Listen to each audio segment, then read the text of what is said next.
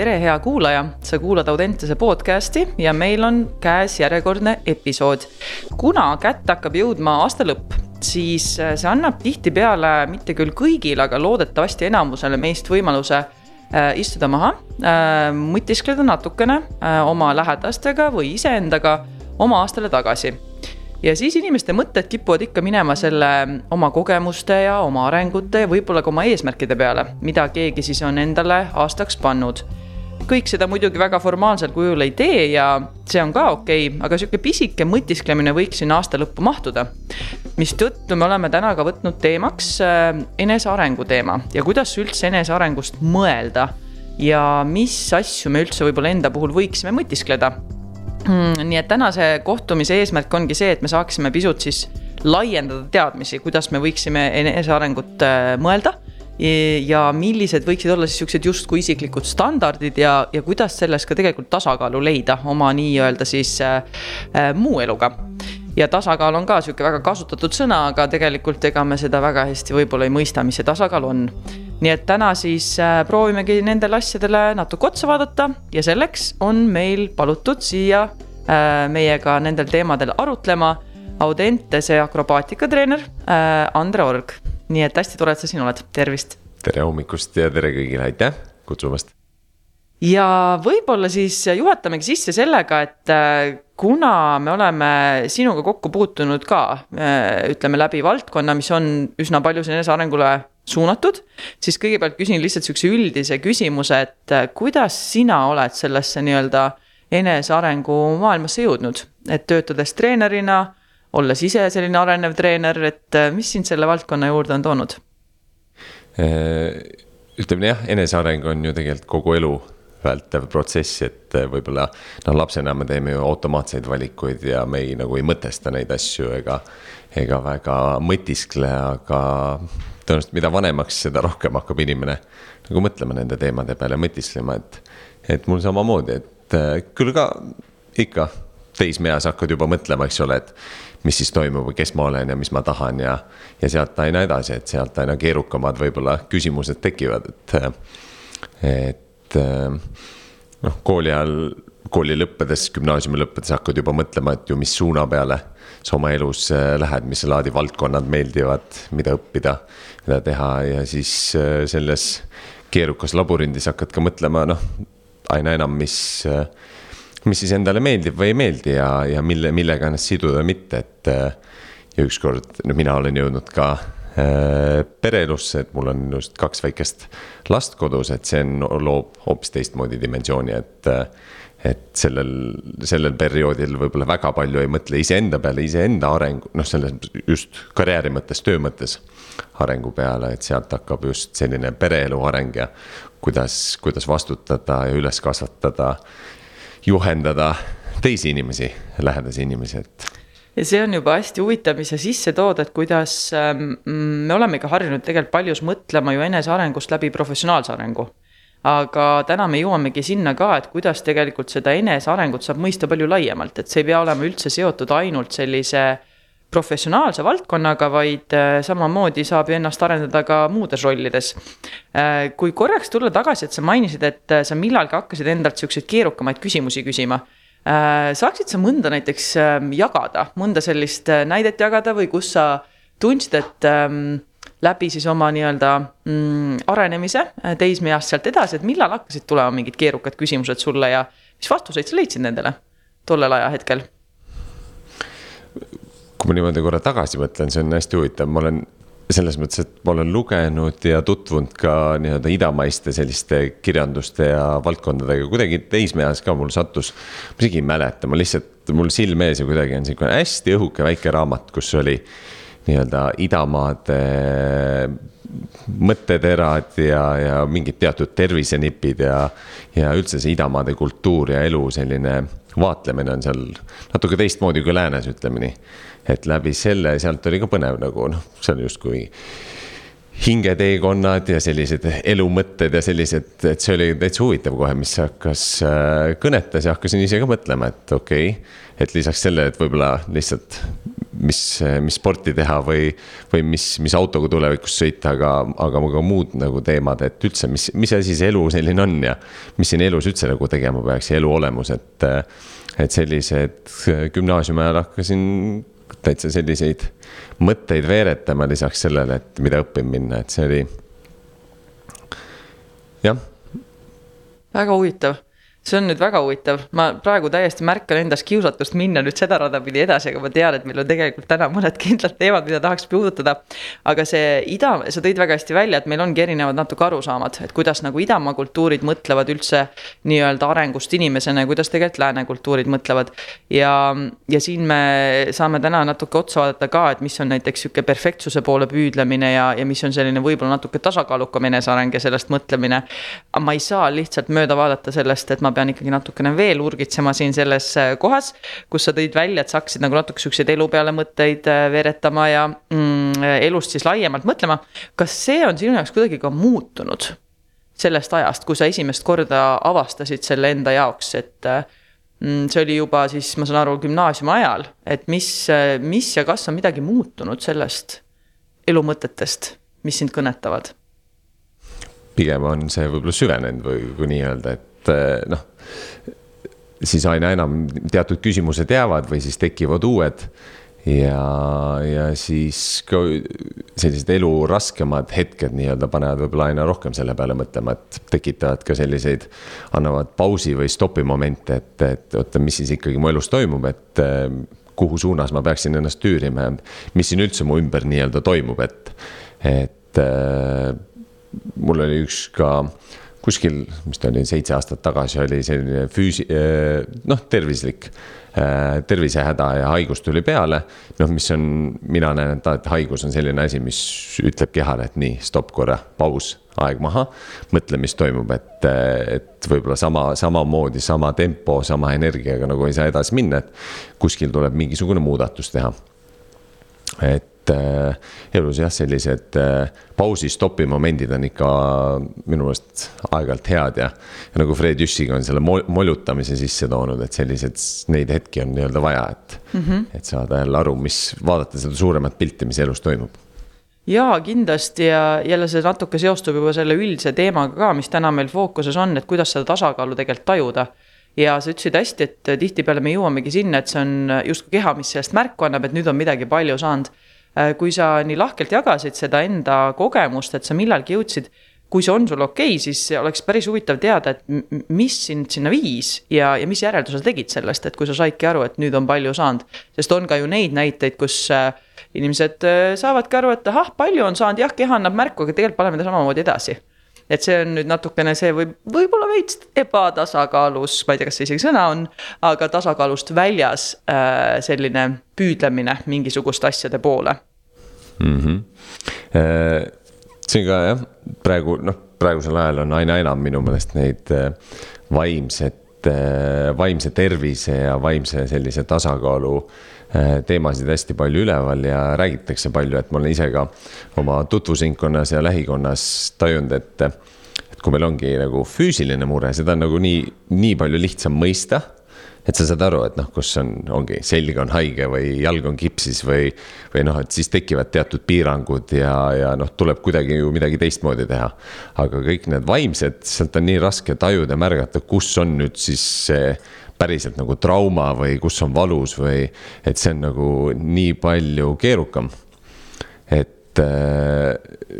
noh, minu puhul ka, kui ma tajusin, mul oli konkreetselt noh, füüsiline tervis oli nagu häiritud, siis, siis saad aru, et okei okay,, teatud asjadest tuleb võtta nüüd äh, paus, piir, stopp aga teiselt poolt äh, jah, see, see vaimne, vaimne pool ja kust, kust siis on nagu raske ja. ja ikkagi ju noh, koolis ka ikkagi, kuule, et tuleb õppetööd ära teha, pingutada, teha, et äh, noh. aga sealt on tihti, me ei märka, kus inimestel tegelikult on raske olla ja, ja võib-olla väga keeruline, et pigem, et pane ikka edasi, ära ole nii nõrk ja, ja, ja saa hakkama ja et see, see pool on nagu keeruline, et, et seetõttu ongi, et mina, ma ise üritan ka võtta selliseid hetki ja, ja, ja päevi lausa, kus ma lihtsalt reaalselt võtan aja maha, molutan ja mõtlen korra, mis, mis ikkagi elus toimub, et kas, kas ma tunnen hästi see, mis mu. Need valikud hetkel on tehtud, et kas, kas need on head, õiged valikud ja, ja ma saan nii-öelda noh, hakkama ma üldiselt saan, aga et kas ma tahangi, et selles mõttes, et kas on mõtet äh, nagu trenni mõttes ka, et kas, kas ma olen nii-öelda tippsportlane või ei ole, et kas mul on vaja vaja neid äh, kange seal õlal kanda ja suruda või, või mis, mis selle asja mõte on nii-öelda hmm.? see on hästi huvitav ja siit tegelikult tuleb juba kaks sellist väga praktilist mõtet, äh, kuigi me räägime sellisest äh, üsna suurest teemast, siis jällegi kaks sellist lihtsat praktilist asja, mida juba kuulaja siit võiks endale kõrva taha panna, seesama näiteks, et mõeldagi aeg-ajalt luua endale lihtsalt hetki, kus küsidagi sõna otseses mõttes, mis mu elus tegelikult viimasel ajal toimunud on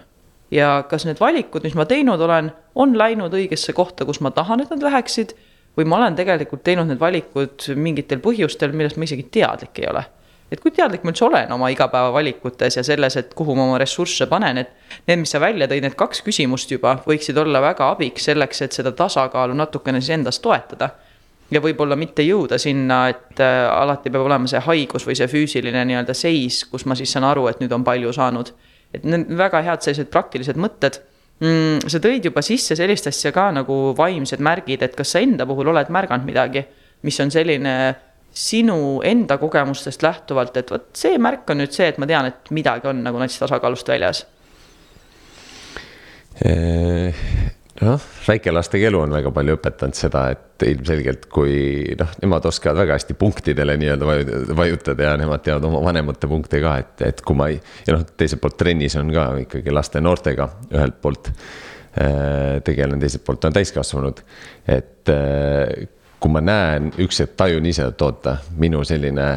hääletase ja, ja energiatase on kuidagi natukene pahaseks muutunud või liiga selliseks rangeks või kõvahäälseks, siis on, et, et stopp, et aga. tegelikult ma ei tahaks selline olla, et ma arvan, et iga inimeseni jõuab info kohale saata ka rahulikult ja, ja selgelt ja konkreetselt, et, et, et selleks ei pea nii-öelda vihaenergia või selline pahameele-energia tõusma, et, et sellised asjad, kui ma need taban enda puhul ära, et siis ongi korra üks asi ka stopp, et oot-oot-oot. et selline, nüüd ma olen vales kohas endaga hästi hea ja aus selline peegeldus, et kuidas me hakkame siis reageerima pisut üle hmm. ja, ja käitume nii, nagu me tegelikult endale ei meeldi, et see oli nii kihvt küsimus, mis sa tõid, et oot-oot-oot, et kas. Kas ma endale niiviisi päriselt meeldin või hmm., et kas ma tahan niiviisi jätkata, et ma ju alati nii ei tee. et selline uudishimu sinna juurde ka, et mõtiskleda enda üle äh, ja kui, ähm, kui siit minnagi võib-olla natuke, et ähm, tulles tagasi äh, idamaad versus äh, läänemaailm siis täna me ei keskendu küll idamaade kultuurile, millest võiks kunagi rääkida, sest et see on väga kihvt. Ähm, ja sellesse ma olen ise ka päris palju süübinud läbi teadveloleku õpete ja õppimise mm, ja harjutuste. Küll aga on tõesti siin päris suur erinevus, et läänemaailmas ikkagi sellist enesearengut ja püüdlemist väärtustatakse oluliselt rohkem ja siin ei saa ma ise töötan ju kõrgsooritusvaldkonnas väga paljus ja ka sina oled ju treenerina äh, töötanud lisaks akrobaatikale ka ju veel äh, kõrgtasemega cheerleading useks mm. -hmm. et me oleme mõlemad tegelikult kokku puutunud sellega, kus see ongi, kõrged standardid ongi vajalikud. Äh, küll aga on siin selline üsnagi õhuke mm, liin, kus me lähme kõrgetest standarditest üle perfektsusesse Äh, ja enne kui ma toon välja selle, mida võib-olla teaduses välja tuuakse, et mis see perfektsus on. Äh, kuidas sina seda vahet teed või kuidas sa mõistad seda, et äh, erinevust nii-öelda isiklike standardite poole püüdlemisel versus perfektsusel? kuidas sina seda näed? Trenni seisukohalt ja rühmaga tegeledes äh mulle tundub, et kõigepealt ongi nii-öelda kokkulepped, ühine, ühiste selliste kokkulepete ja eesmärkide püstitamine ja vaatamine üldse, mis tunduvad nagu reaalsed. et äh, mis laadi võistlused, mis laadi tase üldse meil võiks olla, mis on nii-öelda näiteks noh, järgmise hooajaga üldse käega katsutav ja tehtav. ja selle pealt siis tegelikult ju saab ka treeningplaani ja üldse kogu seda, äh, kogu plaani nii-öelda sättida, et äh, kui me teame, et me oleme näiteks alustav grupp või alustav tase, siis me teame, et meil on vaja sellised esimesed sammud nii-öelda teha ära, et õppida ära, noh, vastavalt igal alal, mis äh, spordialaga või alaga on tegemist, eks ole. et mis need esimesed sammud on. kui on juba teatud tase on saavutatud, siis on see järgmine samm, et üks samm nii-öelda korraga, et. et äh, iga järgnev samm võiks olla hästi tehtud, noh, kas just perfektselt tehtud, see on selline. see on üks kummaline väljend, et ega ja noh, ja mis asi on perfektne ja mis, mis laadi standard, need on ka ju igal inimesel, treeneril äh, hoopis erinevad, et aga, aga kui see on nagu rühmaga kokku lepitud ühiselt mõistetud, siis, siis tulekski iga järgnev samm teha lihtsalt nii hästi kui võimalik mm. Ja see kirjeldaks siis rohkem sellist äh, nii-öelda arengule suunatud püüdlemist versus sihukest perfektset suhtumist. saan ma õigesti aru? Äh, jah, no selles mm. mõttes, et äh, üldjuhul areng peaks igatpidi tulema, kas see on eh, taandareng või edaspidi areng, et areng on ta nii või teisiti ja kui sealt just nagu korraks ka tagasi mõelda, et jällegi see võtta hetk, et mis siis toimus, et siis juba see on ka areng, et võib-olla nii on nagu leiutistega ka teadusmaailmas, et kui on leitud üheksakümmend üheksa viisi, kuidas asjad ei tööta, siis see sajas viis, üks variant nii-öelda, kuidas see asi töötab, siis see on ka ju ikkagi areng, et hästi palju on selles suhtumises, et kuidas me neid nii-öelda vigu näeme ja see on ka huvitaval kombel sa, sa võiksid ise kirjutada neid teadusartikleid, sest et siin ma lugesin hästi kihvti artiklit selleks äh, kohtumiseks valmistumisel, see on äh, Association of Psychological Science. seda eesti keelde tõlkida on väga kunstlik äh, oli üks väga tore selline ülevaatlik teoreetiline artikkel, mm, mille kirjutas siis üks psühholoogia professor, teadlane. ja tema kirjutaski selle siis ähm, vaadates otsa viimaste aastate perfektsuse uuringutele, mida on tehtud hunnikus ja väga-väga palju ja ta tõi välja, et näiteks kakskümmend aastat tagasi tegelikult äh, mm, toodi välja, et meil ei ole otsest definitsiooni. üheselt arusaadavat definitsiooni, mis on nagu perfektsus ja mis on siuksed nagu tervislik nii-öelda isiklike standardite poole püüdlemine. ja tema võttiski sellise eesmärgi, et ta proovib siis natuke seda erisust leida. ja, ja siis ta kirjeldas neid kahte asja niiviisi, et perfektsus on siis rohkem see, kus püüeldakse äh, Äh, idealiseeritud äh, standardite poole, mis on ülemäära kõrged ja seda tehakse ükskõik äh, mis moel. et nii-öelda halastamatult, kui seda eesti keelde tõlkida, et see on selline pidev püüdlemine ilma endale vigu lubamata, ilma kuidagi endale halastamata ja see on siis perfektsuse pool. ja, ja ta siis tõi välja sihukese hästi toreda sõna ja ma proovisin leida vastet eesti keeles ja kahjuks on tõesti sihuke nagu natuke kunstlik on excellentsism. Inglise keeles on siis excel, excellentsism mm. Äh, ja see on siis see osa, mis äh, toob välja, et kuidas äh, mm, püüeldakse jah, kõrgete standardite poole, aga nagu sinagi välja tõid, on need eesmärgid on küll arengule suunatud, aga need on realistlikud, need on saavutatavad ja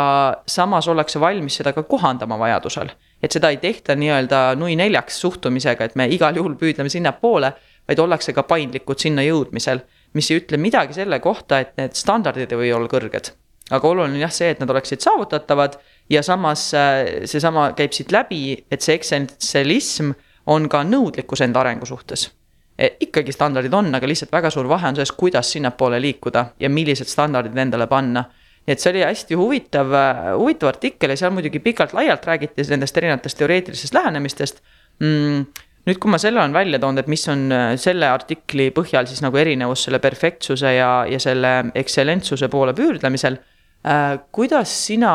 iseenda elus äh, neid asju ära tunned, kui üldse? et mis oleks sinu enda näitel mõni sihuke justkui perfektsuse poole püüdlemine võrreldes siis selle isiklike standardite poole püüdlemise vahel? treenerina jah noh, kuna sport on vägagi mõõdetav ja selline selgelt justkui mingite standarditega valdkond, et, et sul on, kas sa saad need punktid ja kas sa saad selle medali või selle koha ja. et seal kipub väga lihtsalt selline asi tulema kohe mõõdetav ja selline teatud äh,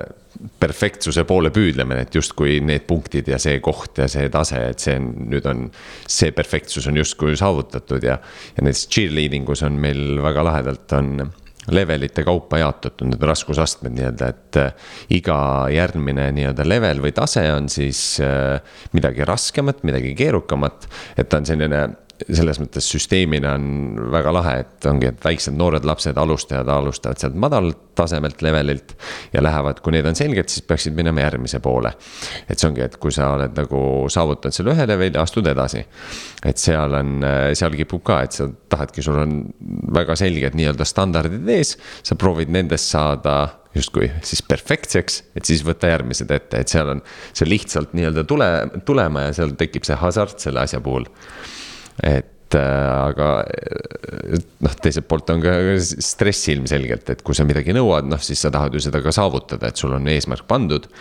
noh, meie ala puhul konkreetselt on see, et meil on äh, kas siis võistlusplatsil või ka juba trennis on äh, noh miinimum kuusteist ja no tegelikult on üle kahekümne inimese ja nüüd proovi saada kakskümmend pluss inimest täpselt ühtemoodi mõtlema äh, samade soovide, samade mõtetega tööle, et see on, vot see on üks väljakutse, see on raskus. et see, mis on nagu tööalaselt, individuaalselt äh, eks ikka loomulikult mingid soovid, mõtted, eesmärgid tekivad aga siin jällegi, et eh, mingi hetk, kui jookseb nii-öelda juhe kokku ja pea hakkab plahvatama, siis tulebki jälle üle vaadata, et kas, kas ma ikka liigun õiges suunas või noh, kas ma olen need äh, nii-öelda õiged vahendid võtnud ja kas mul üldse tegelikult on aega selleks, et vahepeal, mis tundub tore idee ja mõte, et noh. mul ideid ja mõtteid nendest nagu puudu ei ole, aga siis saad aru, et okei okay,, et mul on ka teised inimesed elus ja mingi teatud piiratud aeg, et. Et siis need võib-olla tuleb jätta lihtsalt õiget hetke ootama ja tulevikku, et, et ei saa kohe kõigega tegeleda ja see, see selle äratundmine ongi see keerukas koht, et kus nagu aru saada, et see, mis nii-öelda standardi ma endale praegu sean, näiteks ütleme professionaalina, mis on need äh, tervisliku püüdlemise variandid ja mis on need, mis on siis nagu nats nagu sinna perfektsuse poole kaldumine juba. Äh, kas sina oled kunagi kogenud ise, ütleme professionaalses elus enda jaoks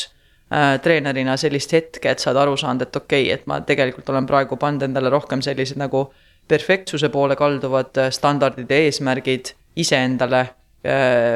versus sellised, et ma noh, olen nüüd natuke realistlikum, kuidas ma, kuidas ma endalt mida ootan jah, siit ongi see, nagu ma välja tõin selle suure grupi puhul ka, et, et justkui minul juhina või treenerina eesotsas, kes seda ju plaani ja kõike seda laeva juhib ja tüürib, et, et mul on nägemus ühest asjast, et nii, nüüd me tahame sinna jõuda, meil on vaja need asjad ära teha.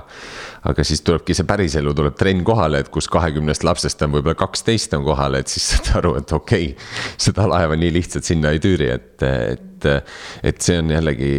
üks on kõik, mis toimub individuaalselt enda peas ja enda soovid, aga pidevalt tuleb nagu kohaneda kohandada oma plaane sellega, mis tegelikult ümberringi toimub, et. sealt on ka nii lihtsalt sellised pettumused äh, tulema ja, ja, ja kõik need eesmärgid, mis on võetud ja see tegevus. et tuleb vaadelda, et kas, kas see on selline soolo ja üksiktegevus või on see hõlmab ka teisi inimesi, et. et sealt äh, tuleb väga oluline vahe, et äh,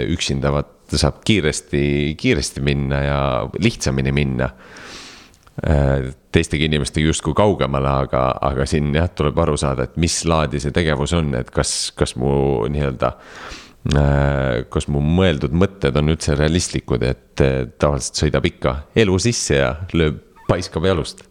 Ja see on äh, nii tore jälle üks selline asi juurde, et kui inimesed mõtlevad näiteks, et okei okay,, et kui ma tahan ennast nagu sinna äh, oma ekstsellentsuse poole ikkagi mingis valdkonnas lükata ja sinna me jõuame ka, et kõigis valdkondades võib-olla see ei ole mõistlik. Mm, aga näiteks professionaalses valdkonnas, et sa oled enesearengule orienteeritud, siis see, et sul on mingid reaalsed eesmärgid, sul on nõudlikkus enda arengu osas, aga samas kohandamine on täiesti normaalne protsessi osa et see ei saada justkui sõnumit, et nüüd on midagi väga valesti sinus endas, vaid kohandamine ongi normaalne protsess, eriti kui see puudutab teisi inimesi ja tänapäeval tead, ma arvan, et väga vähe on neid töökohti, kus äh, sinu, ütleme, töösooritus ei sõltuks mitte kuidagi mitte ühestki teisest inimesest, et neid vast jääb järjest vähemaks. ja eriti võib-olla meie kuulajaskonda arvestades ka, aga toome siin kohe ühe praktilise näite ka. mis võiks olla mõni selline mm, näiteks treeneri rollis selline enesearenguga professionaalina, enesearenguga seotud eesmärk ja ootus oma käitumiste suhtes mis on sinu kontrolli all ja mis oleks justkui sinu nii-öelda isiklik standard. et sa enne tõid hästi välja, et vahetevahel sa jõuad sinna näiteks, et äh, lastega avastad, et oi pagan, et see ei ole nüüd see, milline ma täpselt nagu olla tahan treenerina. et samamoodi võivad olla ka need isiklikud standardid, mille poole püüelda, seotud oma käitumistega. Need ei pea isegi alati olema ju sooritusest lähtuvad või tulemusest lähtuvad õigemini. oskad sa siin mõne näite tuua, mis oleks sinu näitel isikliku standardi poole püüdlemine, kui sa mõtled käitumiste peale? Jah, ma olen nii-öelda enda puhul tabanud, et äh, varasemalt ka sellised noh, ongi, et kui on võistluste ettevalmistuma, valmistamised või esinemised, et äh, ma ongi, et kogu aeg vaat-, vaatad oma peas ja näed seda, mis, kuhu sa nagu nii-öelda jõuda tahad. aga ongi, et kui reaalsus lööb sisse, et eh, kohal on võib-olla, ma ei tea, kuuskümmend, seitsekümmend protsenti inimestest, et seda jällegi on väga raske nii-öelda perfektselt jällegi seda trenni ära teha, siis saadki aru, et tegelikult tuleb võtta see päev korraga nii-öelda, et, et eh, see tänane trenn, see tänane hetk, mis ma nüüd siin olen, et selle, selles hetkes ikkagi teha nii hästi kui võimalik, et rahustada maha, et äh, tihti ongi, et juhe jookseb jällegi kokku, et. Äh, et sul on mingi ootus ja lootus asjadele, aga siis on, tänane päev on selline, et loodad homme randa minna, aga siis sajab vihma ja see oli võib-olla ainuke vaba päev nädalas, siis. siis jällegi, et noh, tuleb kiirelt ennast äh, ümber seadistada ja, ja mõelda see, et ikkagi siin, nüüd ja praegu täna oleks hästi, et et, et siis on nagu endal rahulikum ja ma usun, et ka ümbritsejatel inimestel on rahulikum olla, kui, kui ise nagu juhina oled, seal treenerina oled, oled nii-öelda rahulik ja võtad sellest hetkest, sellest trennist ja päevast nii palju, kui võtta annab see on jälle hästi tore mõte, aitäh selle eest, kui, kui mõnusalt praktiline see jälle on tegelikult kuulajatele ka, ükskõik mis rollis sa oled, kas sa oled lapsevanem, kas sa oled äh, õpetaja, treener, lihtsalt inimene, kes tahab oma elus kuidagi ennast arendada, küsidagi aeg-ajalt, et enda käest lihtsalt, et okei okay,, aga mis mina tahan täna selle päevaga teha, et mis ma tahan siia päeva tuua, kuidas ma tahan täna oma päevas käituda, et sa ütlesid hästi, et kuidas ma teen sellest päevast nagu selle kõige parema versiooni. Ja siin on tegelikult päris palju asju meie enda kontrolli all. Äh, me ei saa muidugi eeldada seda, mida keegi teine või kuidas keegi teine vastab nendele asjadele, mida mina teen, aga ma saan enda käitumistes leida mingid oma standardid kasvõi tänaseks päevaks. et see on hästi tore selline praktiline viis jälle, see trenni näide oli nii mõnus, et lähed trenni ja vaatad, et okei okay,, täna on kaos, täna on meil sihukene olukord ja mõtledki läbi, et okei okay,, mis on täna minu parim versioon treenerina, mida mina saan tuua siia. Ja see võib väga palju tõesti kaasa aidata ja iseendale ka, sest see toob ka iseenda standardid ju maa peale. et muidu võib see endalegi Äh, mängida mitte nii hästi kätte, okei okay,, aga kui minna mm, natukene siit edasi võib-olla selle erinevate rollide juurde. Mm, et üks roll on see, et me võime mõelda enesearengust professionaalses mõttes. aga samas ongi teised olulised rollid ka, nagu sa tõid juba välja, et sul on toredad lapsed kodus võib-olla vahepeal ka nii-öelda puudutavad sinu mingisuguseid ärritavaid nuppusid, siis võib-olla ei ole nii toredad. lõppkokkuvõttes, eks ikka on, aga mm, mis sa iseenda puhul, kui üldse pead oluliseks nendes teistes rollides? et professionaalses maailmas on ju väga lihtne nii-öelda endale standardeid seada. ja see sõna standard, ma ei tea, kuidas sinuga on, aga mulle natuke tundub, et see võib olla natuke sihuke liiga mm, ametlik et mina enda, enda suhtes mõtlen, et standard võib olla ka see, et ma tahan ka oma, ütleme, sotsiaalses valdkonnas olla nagu enda selline parim versioon ja aeg-ajalt mõtisklen, et kuidas mul seal ka läheb. Äh, aga lihtsalt standard tundub natuke võib-olla liiga ametlik ja pingeline. nii et ühesõnaga, vahet ei ole, mis sõna sinna võtta, aga kas sul on mingeid selliseid oma ootuseid või äh, mõtled sa üldse enesearengust ka teistes valdkondades? Ikka mõtlen ja selle standardi koha pealt, et äh, just äh, hea sõbraga oli, viimati käisime jooksmas ja vestlesime sel teemal, et. Äh, et noh, jah, standard ehk siis meie nimetasime selliseks nii-öelda oma mõtteankrud või selline baasväärtused. et kuhu juurde alati nii-öelda tagasi tulla, et, et mis ennast nagu toetab ja aitab, et.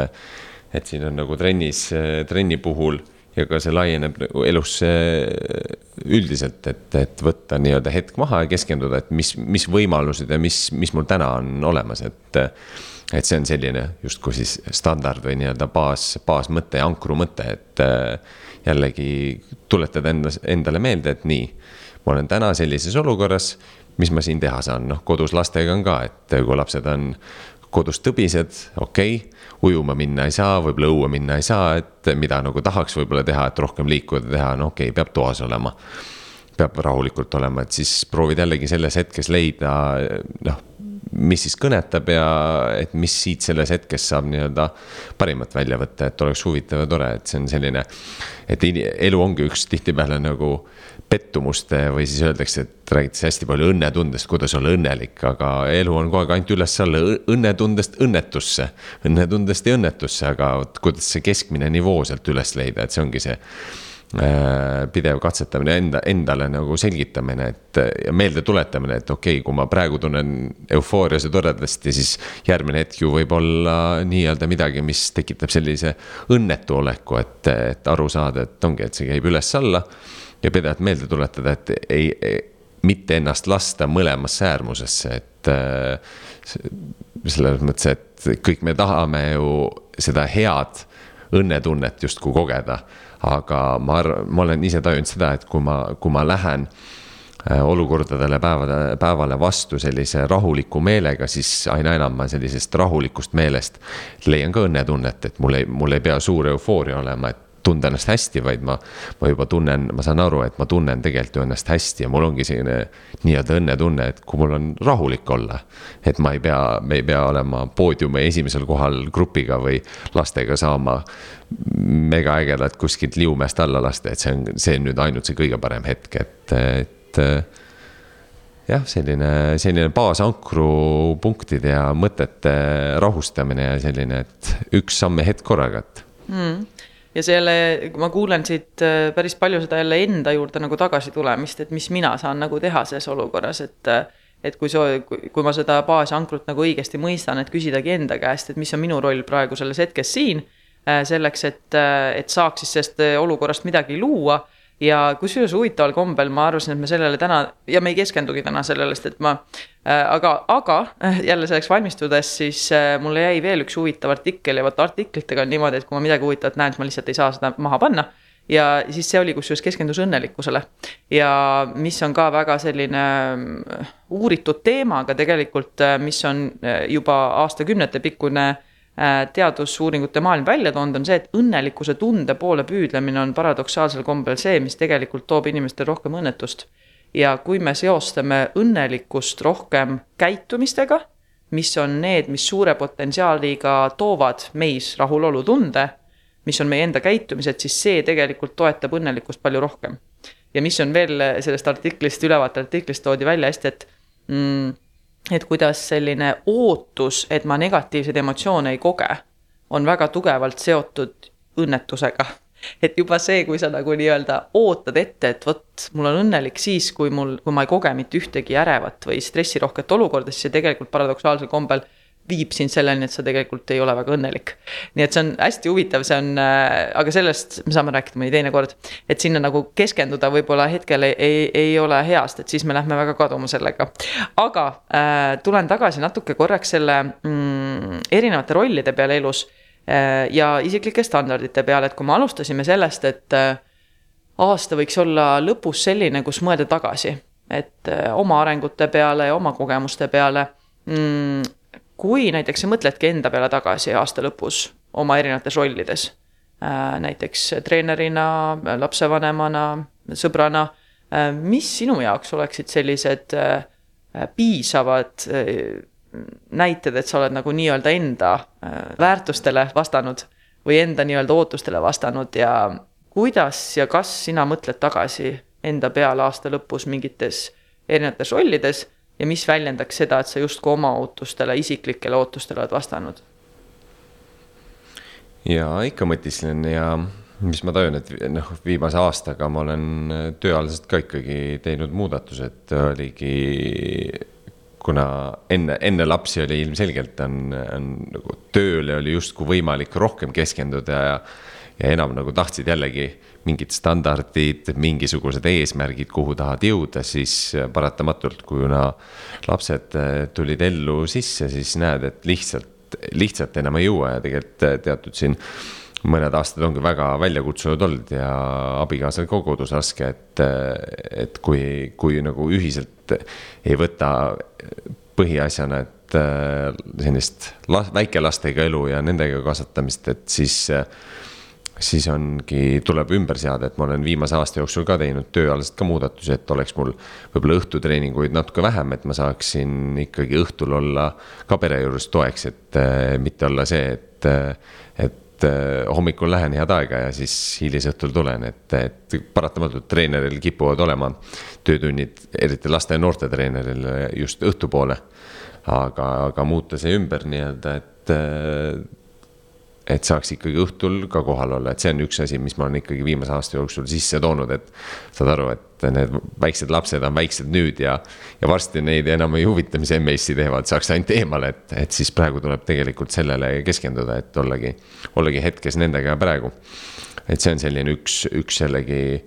äh, nurk, noh, pereelu koha pealt ja üldse ka noh, töö, mis sõltub, mis on omavahel seotud nii-öelda, et on need, need on nii-öelda paremini sünkroonitud, ütleme nii, et jõuab, jõuab ikkagi mingit tööd teha, aga jõuab ka koju, et. et selle, selles osas on mul hea meel, et ma nagu julge, tihtipeale inimene tahabki,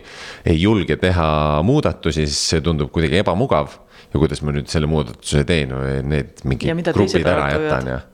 ja kõik see pool, aga, aga seda, see sai tehtud ja tegelikult ongi, et jällegi saad aru, et et, et muutusi on vaja ja muutusi ei tohi nii-öelda karta, et elu ongi üks muutuste jada, et. et tuleb, tuleb sellest eh, ennast välja lõigata ja muutused ette võtta nii-öelda, et siis on ikkagi parem ja mugavam. see on väga huvitav et, et kui ma kuulen õigesti, siis äh, üks mõte näiteks noh, mis sinu võib-olla nii-öelda sihukeste isiklike standardite järgi on oluline, ongi see, et kui palju sul on õnnestunud kohal olla oma perega kui palju sa oled saanud äh, nende jaoks olemas olla, nendega ütleme, siukseid huvitavaid kogemusi luua, mida sa tõid varasemalt siin podcast'is sisse. Äh, ja, ja siis võib-olla ka see, et kuidas sa oled selle kõik kokku pannud enda elus, et, äh, et kui lihtsalt proovin praegu tõlkida seda, mis sa ütlesid nii-öelda justkui standardite keeld, et siis kuulajatel võib-olla tuleb ka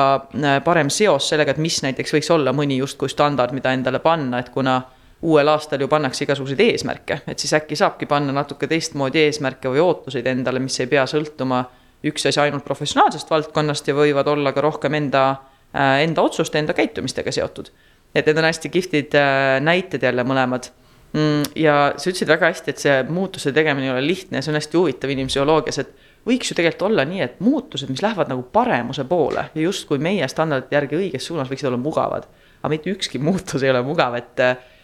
ka need, mis on ebamugavad, neid lihtsalt tulebki teha ja siis vaadatagi nende tagajärgedele otsa, et kuidas see mind mõjutanud on inimesena, kuidas ma mm,. ja tihtipeale, kusjuures selle läbi ollakse ka paremad inimesed nendele inimestele, kellega nagu kokku puututakse. et selge see, et kõike lihtsalt ei mahuta päeva ju ära äh, kas sul oli mingisugune ka kindel hetk, rääkides, enne rääkisime siin märkidest, et mida enda puhul tajuda, äh, kus sa jõudsid sinna, et vot neid muudatusi tuleb teha? või on see lihtsalt kuidagi kujunes ajaga, et sa õppisid ennast nagu paremini kuulama või et kust tuli see, et äh, vot ma pean siin natuke oma tööplaane muutma ja tegema natuke teisiti? Äh, nii nagu on tore sõna, abielu. Ehk siis äh, abiline minu elus. See on nii, nii tore kontseptsioon, ma ei ole ja. kunagi selle peale niimoodi mõelnud, kusjuures. Et äh, koos vaadates, et äh, mis laadi elu me siin elame ja toimetame, et äh, ütleme nii, et kaasa vajas ka rohkem nii-öelda abi kodus, et siis saigi aru, siis saingi mina ka aru, et, et okei okay,, et hetkel minu, minu valikud ja minu minu äh, töö hetkel võib-olla ei soosi seda, et, et selle punktiga kokku ei lähe, et siis tulebki muudatused teha. et selles mõttes, et me, mina tunnen küll, et abikaasa on väga palju aidanud, noh elus teatud valikuid teha ja aitab nii-öelda mõtestada, et, et ähm, keegi vestluskaaslane, kes vaatab nii-öelda punktid üle ja mõtleb sinuga kaasa ja toetab ja. või siis äh, tõmbab teatud asjad nimekirjast maha ja, ja et see on, see on nagu hästi tore, et kui, kui on elus on selline abiline, kes seda elu aitab elada ja me oleme ikka nii sotsiaalsed, on ju, et, et just see, et kui suur tegelikult abi võib sealt tulla, kui me oleme sellele ise ava-, avatud nii kihvt, ma praegu just kujutan ette, et kuidas see äh, võiks panna võib-olla jälle mõningaid kuulajaid natuke mõtlema, kuna mina ise ei ole abielus, siis ei oska seda kommenteerida, aga. aga just seesama, tehagi ettepanek, et tead, et aga äkki istume maha ja mõtleme koos. kas me oleme sellises elus, kus me tahame olla, et kas meil on vaja mingeid muudatusi teha, kuidas meie valikud meile mõjuvad või ei mõju. see on, nõuab muidugi julgust ka, sest ega kunagi ei tea ju, mis sealt teiselt poolelt tuleb, aga väga kihvt mõte, et sihuke valikutesse vaatamise õhtu näiteks, miks mitte, sellises mõnusas keskkonnas ka mm. -hmm. ja üldse tundub, et äh, täna on päris palju läbi käinud, et selline mõtestamine iseenda valikute osas, iseenda, ütleme, ajakasutuse osas, et see on juba väga hea võimalus, kuidas enda tasakaalu siis leida. Sest ega see nii-öelda, miks ma juba alguses nimetasin, et see on nii-öelda tasakaal, sest et ega see tasakaal ongi väga erinev inimeste jaoks, mis see kellegi jaoks täpselt on. aga nende küsimuste küsimine võiks aidata sellele lähemale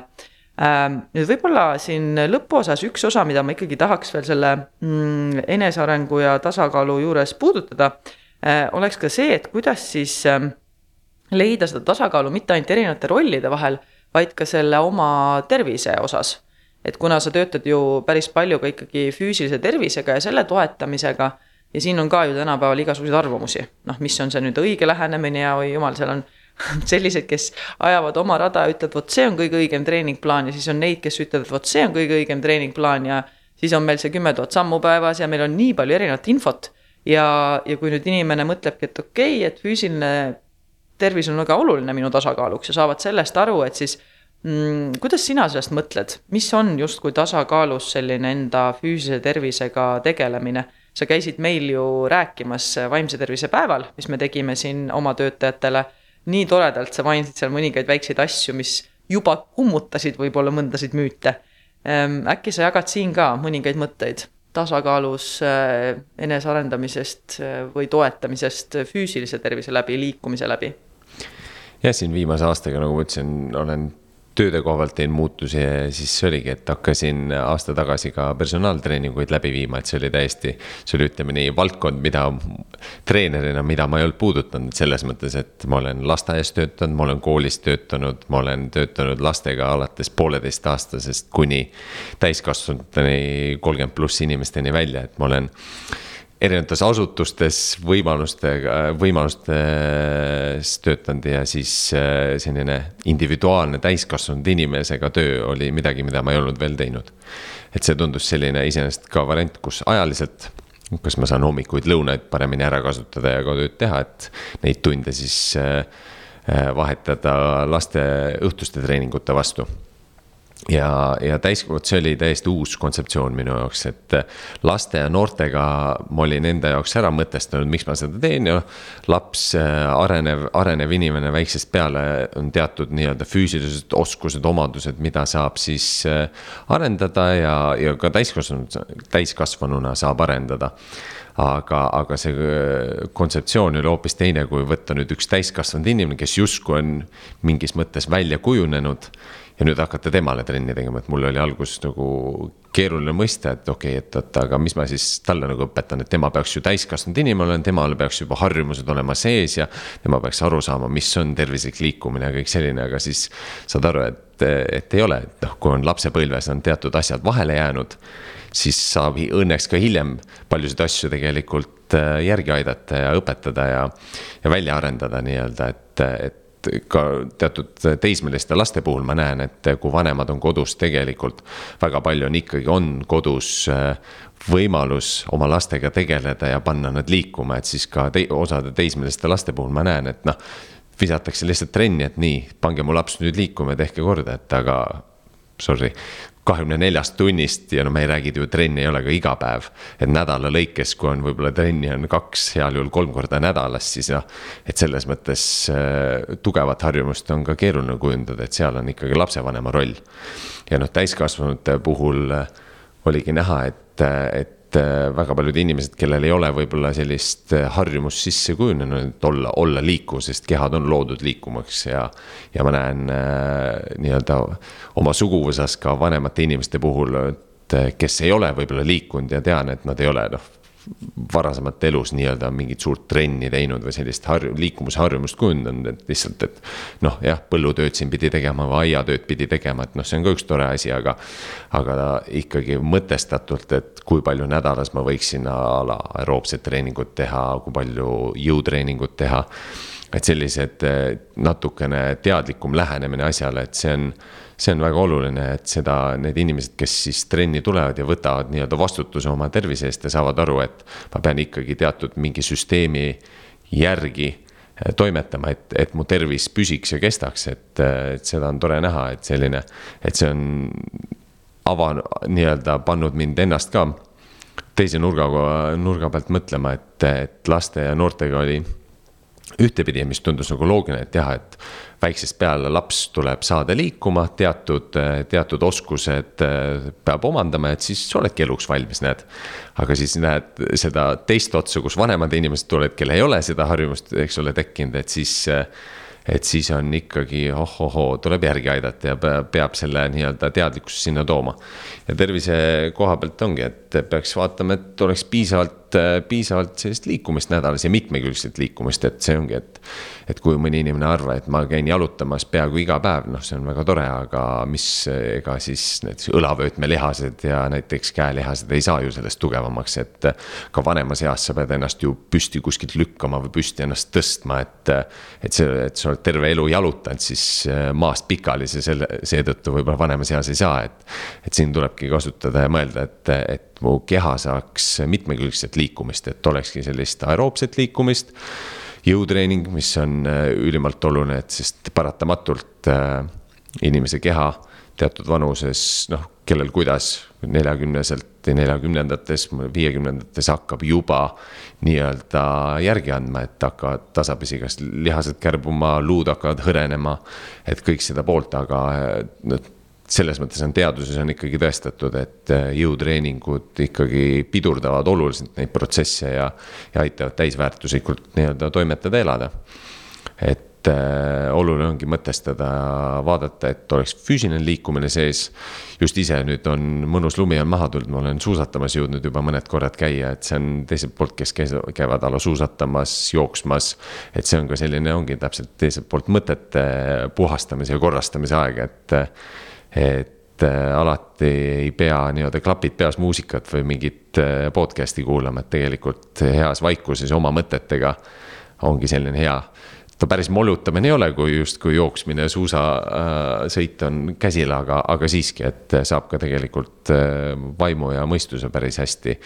läbi riisuda ja ära puhastada, et see on selles mõttes tore. et ühesõnaga jah igasugune mitmekülgsus on ikkagi elus oluline, et oma treeningutel ka ma vaatan nii laste kui täiskasvanute puhul, et. ei oleks liiga sirgjoonelisi ja liiga lihtsaid tegevusi, et sest elu on nagu ikka, jälle viskab kuskilt kaikad kodaratesse, et kui sa oled valmistunud üheks asjaks ette, siis elu tuleb ikka näitab, aga näed. seitsekümmend viis varianti on veel, kuidas ma nüüd sind üllatada saan, et selles mõttes, mida mitmekülgsemalt me trenni teeme, ennast ette valmistame, oleme just selle avatud mõtlemisega, et tõenäoliselt midagi võib siin sassi minna. või asju, mida ma ei näe, et see on, see on nagu oluline, et äh, teha, teha mitmekülgselt, olla avatud meelega ja. ja ilmselgelt võtta vastutus oma, oma nii füüsilise kui vaimse tervise eest ja, ja see on, see on nii ilus, mis sa kõik siia kokku ilusti sidusid, just see Äh, vaimse tervise ja füüsilise tervise koosmõju ja, ja samas see mitmekülgsus on käinud läbi meie varasematest mõttepunktidest ka siin, kus see käis läbi, ütleme, mitmekülgsus enesearengu osas. et me ei näe enesearengut ainult professionaalse arenguna, vaid see on ka minu inim-, inimesena areng. ja mis, mis minu areng on või äh, kohanemine teistes rollides, mis mu elus on, et hästi kihvtilt, kuidas sa selle kõik siin kokku sidusid. ja, ja tõesti, äh, füüsiline tervis on ka nüüd selline asi, mis mitte ainult see, et selle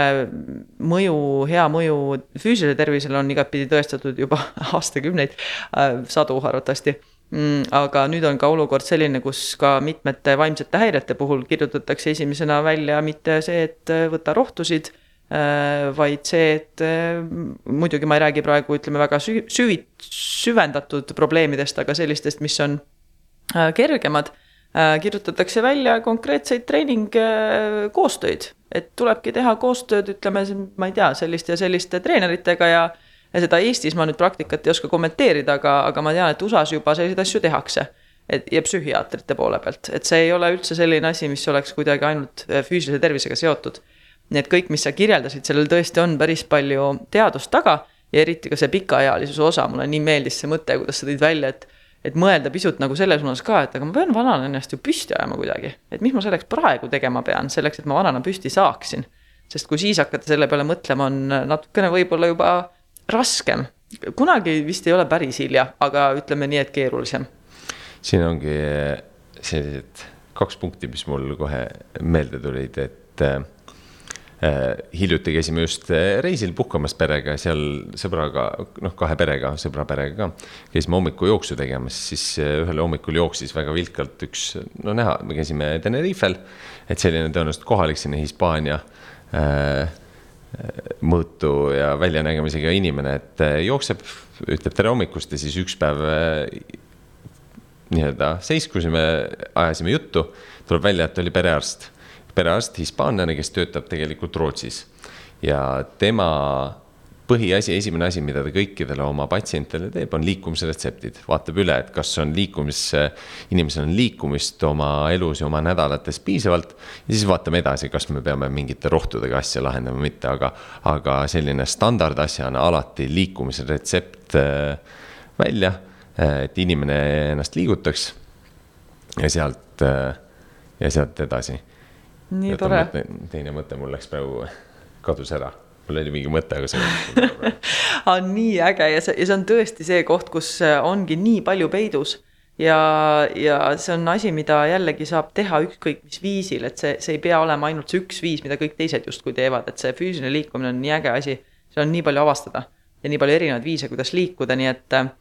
ja mis on jällegi tasakaalus enesearengu üks väga oluline energiaallikas. et kui me tahame professionaalselt ennast kasvatada ükskõik mis töös, see ei pruugi isegi olla liikuv töö, see võib olla täitsa vabalt mõttetöö, siis juba seal on nii oluline roll sellel, milline on su füüsiline seis. ja see pole üldse, rääkides mõtete puhastamisest, üks huvitav selline fakt veel juurde, et väga paljud tippteadlased, näiteks sellised, kes tegelevad jooksuga just sest see on niisugune nende mõtisklemise koht ja siis nad nii-öelda toetavad oma seda ajutegevust, et seda ma olen väga palju kuulnud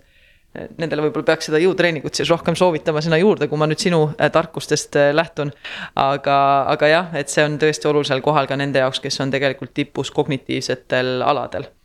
nii et äh, mulle meeldib rääkida, et meil ei ole tegelikult nii-öelda füüsiline ja vaimne tervis, meil on lihtsalt tervis ja need asjad on väga koosmõjus. et nüüd me saame sellest siis ka laiemalt mõelda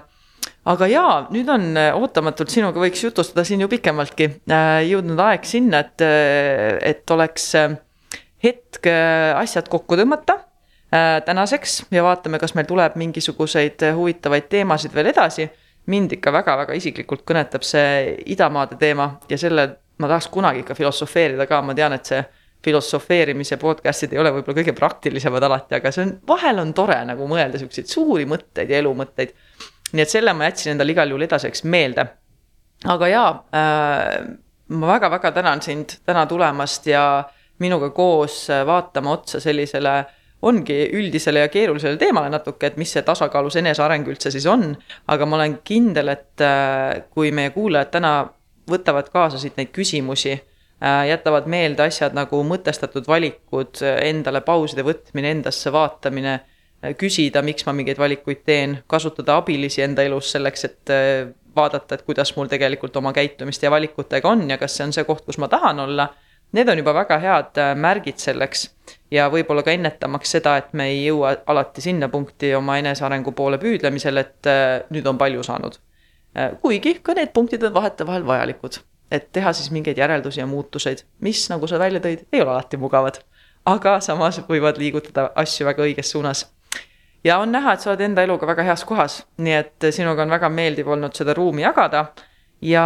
kui sul on veel mingeid äh, viimaseid lõpumõtteid, mis sa tahaksid välja öelda, võid seda vabalt veel teha. mina igal juhul väga tänan sind tulemast ja vestlemast. jah, nii-öelda oma valdkonna ja eriala inimesena ikkagi, et inimeste tervise seisukohalt, et võtke vastutus oma tervise eest, mõelge läbi, kas, kas te toetate enda, enda füüsilist, vaimset ja sotsiaalset tervist ja ja proovige leida seda head rahu, rahu, õnne ja tasakaalutunnet nii-öelda oma elus. ja nendele kolmele valdkonnale saame siis kõik aasta lõpus rõõmsalt otsa vaadata ja mõtiskleda, kuidas meil nendega läinud on. aitäh sulle, Andre, väga tore oli ja aitäh ka kuulajatele, et olite meiega sellel teekonnal kaasas. Mm, endiselt ootame teie mõtteid, kirjutage meile äh, Audentes at podcast, vabandust, nüüd läks jälle valesti, nagu ma tavaliselt alati ütlen, podcast at audentes.ee võite sinna kirjutada, võite ka mulle otsa kirjutada ja andke oma mõtetest teada. Äh, nii et järgmiste kuulamisteni